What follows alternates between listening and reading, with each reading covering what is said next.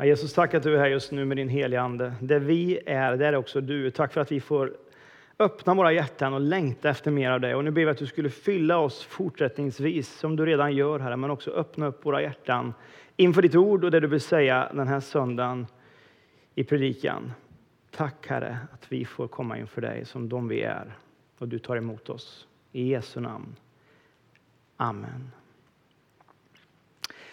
Känner du igen uttrycket gråt inte över spilld mjölk?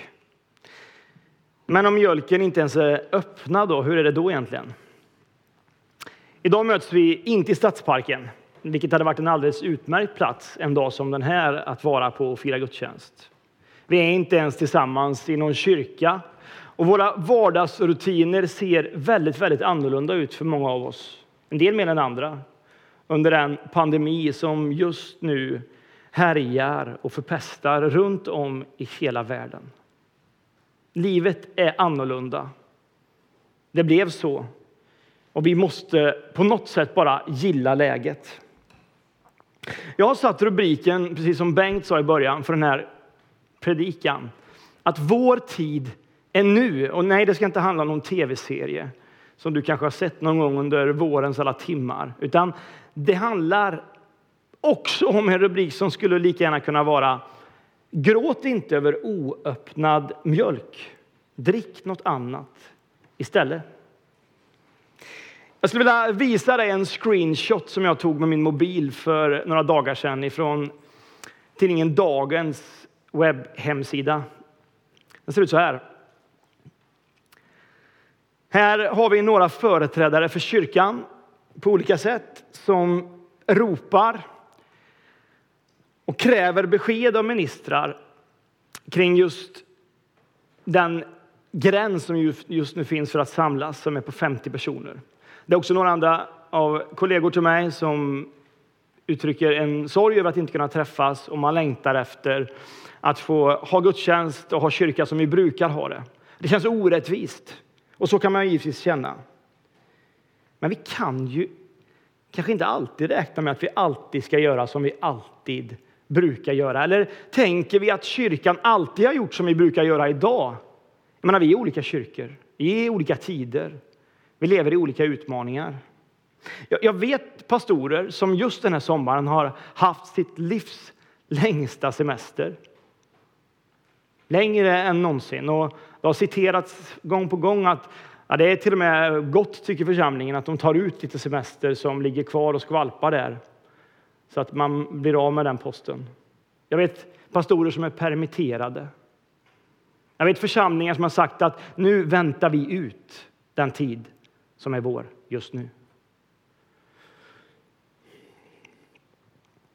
Man kan såklart tänka olika och se olika på just den här tiden. Och vi kan ju alla komma överens om att det är svårt. Vi har säkert konstaterat allihop att det är ett omöjligt arbete som Anders Tegnell har när han hela tiden ska stå inför både press och hela svenska folket och förklara hur man resonerar och hur man tänker. Och när är det egentligen slut på det här eländet? Ja, vi vet ju inte, eller hur? Ingen av oss vet. Och vi tänker olika och vi gör olika. Men en sak kan vi komma överens om. Den tid vi har fått att leva, du och jag, den är nu. Vår tid på jorden är just nu. Har du tänkt på det? Vad, är det som kommer sig att du får leva just nu? Ja, du får uppleva en underbar sommardag. Men du får också leva i en tid av kris. Vad har Gud tänkt med det? Varför är vi här? Och det folk som vandrar i mörkret ska se ett stort ljus, ja, till och med över dem som finns i dödsskuggans dal. Vilket många verkar känna och uppleva att man gör just nu. Där, säger ordet från Gud, ska ljus bryta in. Men hur, tänker jag, ska de och vi kunna se ljuset om fyrväktarna har tagit semester, blivit permitterade eller gått in i ett slags pausmod för att vänta ut krisen? Det här är inte riktat som någon kritik mot någon eller några.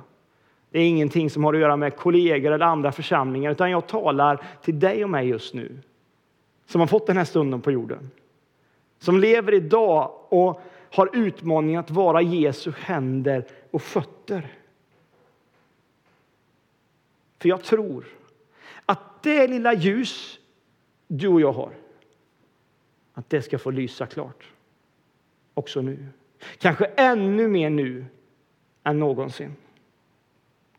I Matteus evangeliets åttonde kapitel får vi möta Jesus och hans närmaste mitt i en kris.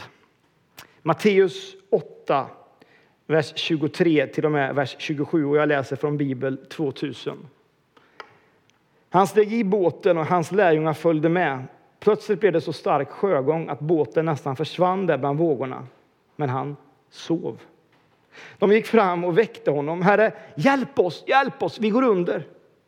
Han sa, varför är ni rädda, ni trosvaga?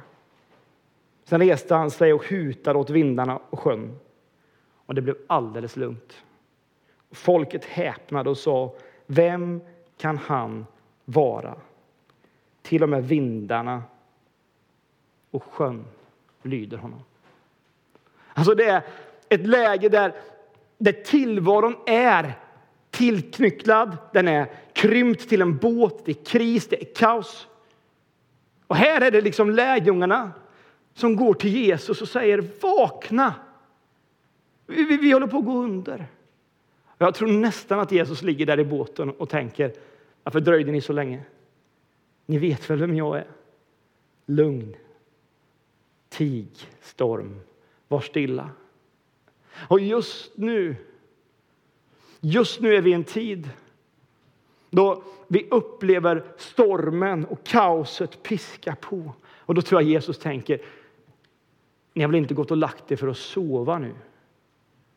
Ni ligger väl inte och vilar nu? Alltså nu är väl inte en tid att vänta? För det är storm och kris och kaos för människor i hela världen. Och jag tror att i tider av kris och kaos, det är då den kristna kyrkan verkligen har fått visa sitt existensberättigande. Vet du en sak? Tänk om det är så att du och jag, och det lilla ljus vi har, behövs nu mer än någonsin.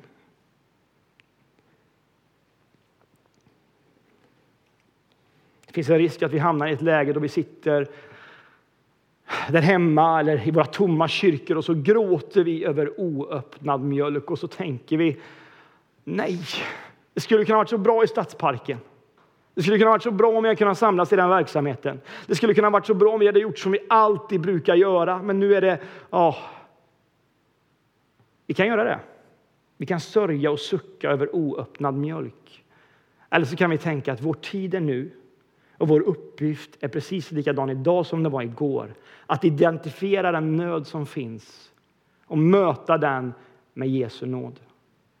Jag skulle vilja läsa också från Romarbrevet 12. En text som jag ofta märker att jag kommer tillbaka till. Romarbrevet 12, vers 1 till och med vers 2. Och Det är Paulus som skriver om den andliga gudstjänsten. Men det är knappast ord som talar i termer av ramar för hur det ska gå till, utan det är snarare en, en slags uppmuntran till att leva i någonting. Lyssna här. Därför ber er bröder, vid Guds barmhärtighet, att frambära er själva som ett levande och heligt offer som behagar Gud. Det här ska vara er andliga gudstjänst. Anpassa er inte efter den här världen, utan låt er förvandlas genom förnyelsen av era tankar så att ni kan avgöra vad som är Guds vilja, det som är gott, behagar honom och är fullkomligt.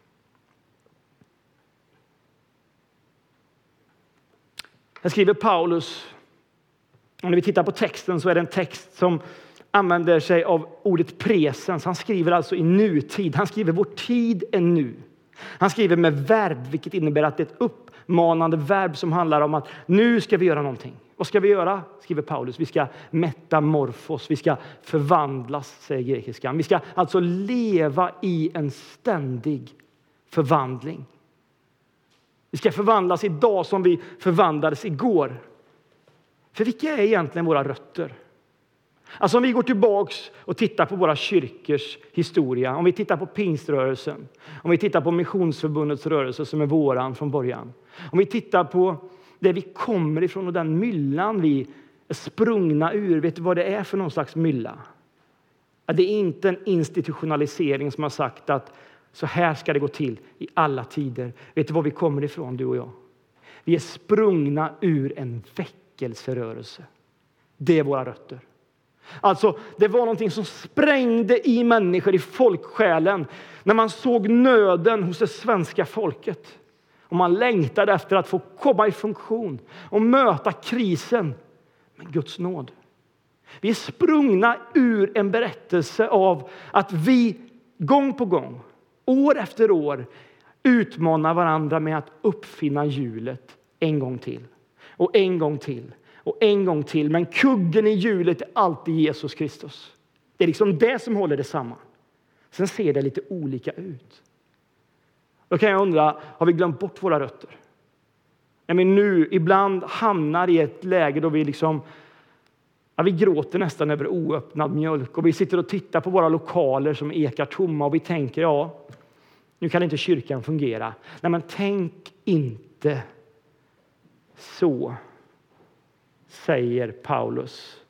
Han säger låt det ständigt förvandlas. Det ska vara er andliga gudstjänst.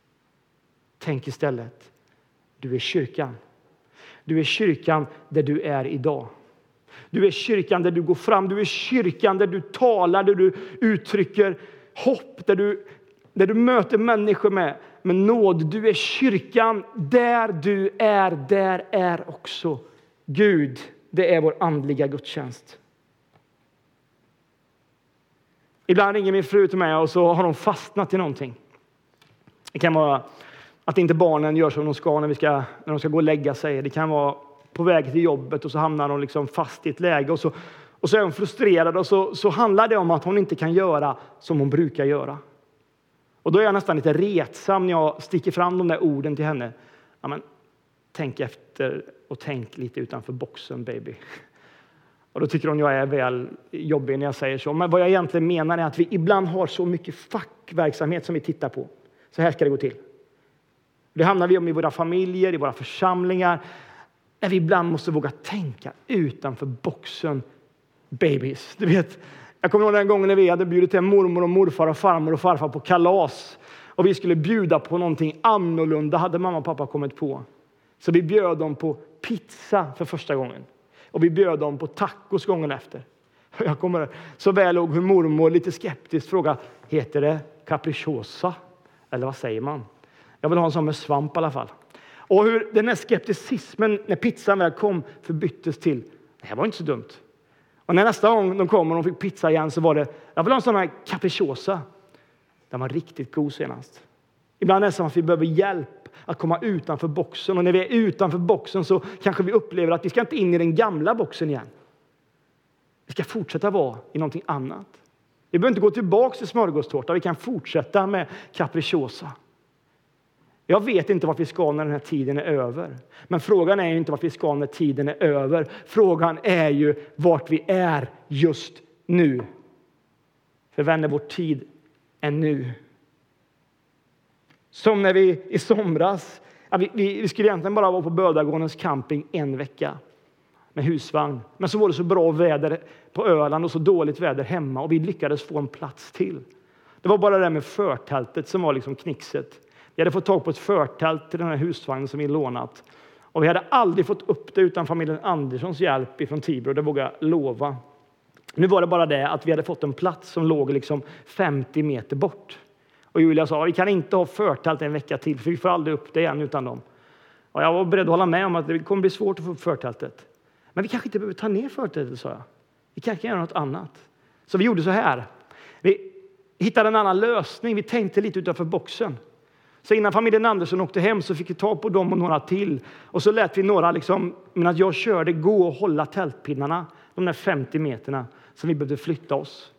Och så kunde vi fortsätta vår semester på ett ganska skönt sätt. Eller så här. En av mina barndomshjältar var en person i en amerikansk tv-serie.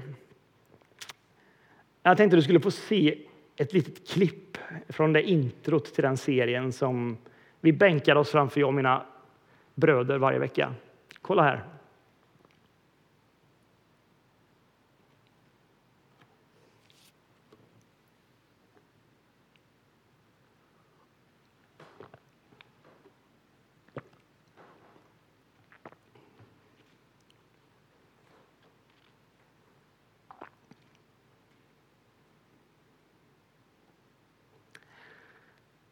Ja, det är häftiga scener som spelar upp sig. Det är alltså en man som heter MacIver. Jag vet inte om du har tittat på MacIver någon gång, men han är, han är expert på vad då?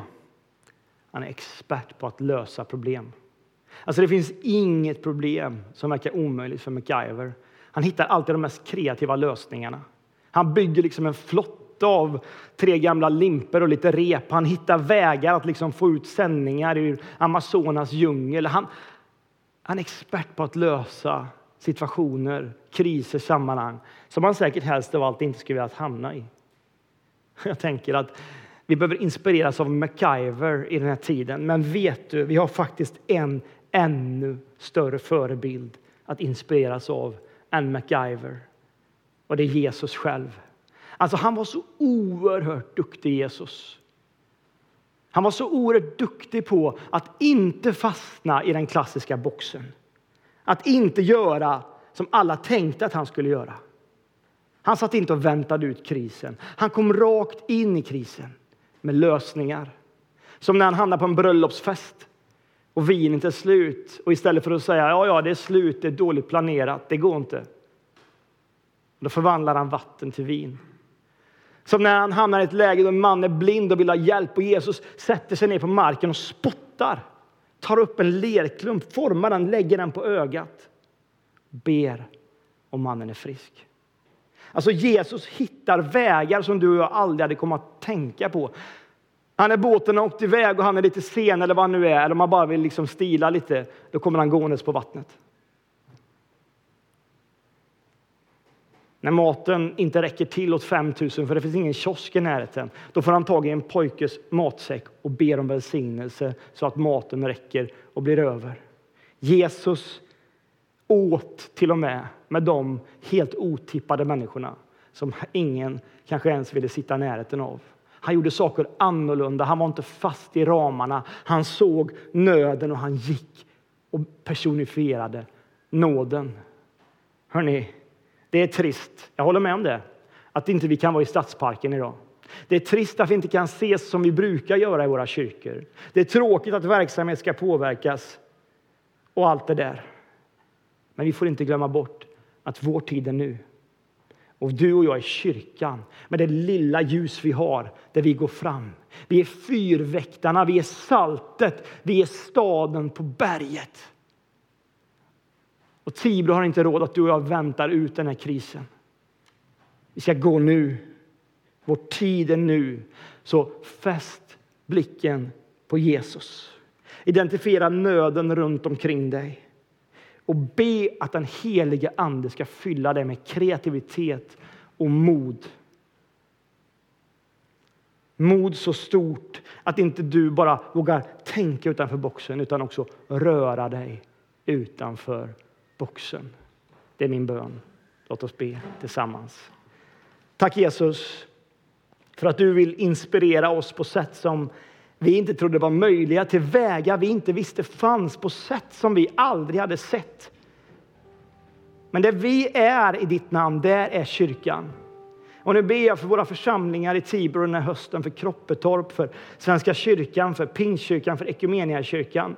Jag ber för oss som kristenhet, både i Tibro och i vårt land, att vi skulle få födas med dina tankar, med nya tankar, med förvandlade tankar. Att vi skulle få anpassa oss, inte efter den här världen, men att anpassa oss efter det läget som råder och gilla läget och möta läget och fångas av drömmen om att det är möjligt att gå andra vägar för att nå nya mål och nya medel och nya människor. Jag tackar Jesus för att du är så mycket större än våra boxar rymmer. Du spränger boxarna fullständigt. Hjälp oss att göra likadant Jesus. Föd oss med kreativitet och mod den här hösten. Så att människor förvandlas och får möta hopp och trygghet och frid.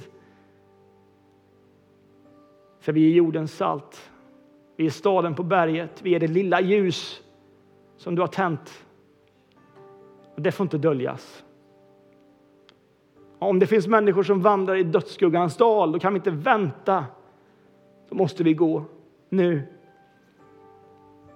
Hjälp oss att våga göra det, Jesus. Låt våra suckar få förvandlas och förbytas till kreativitet och handlingskraft. Fyll oss med en helig vrede som leder till förvandlade liv. Det är min bön i Jesu namn. Amen.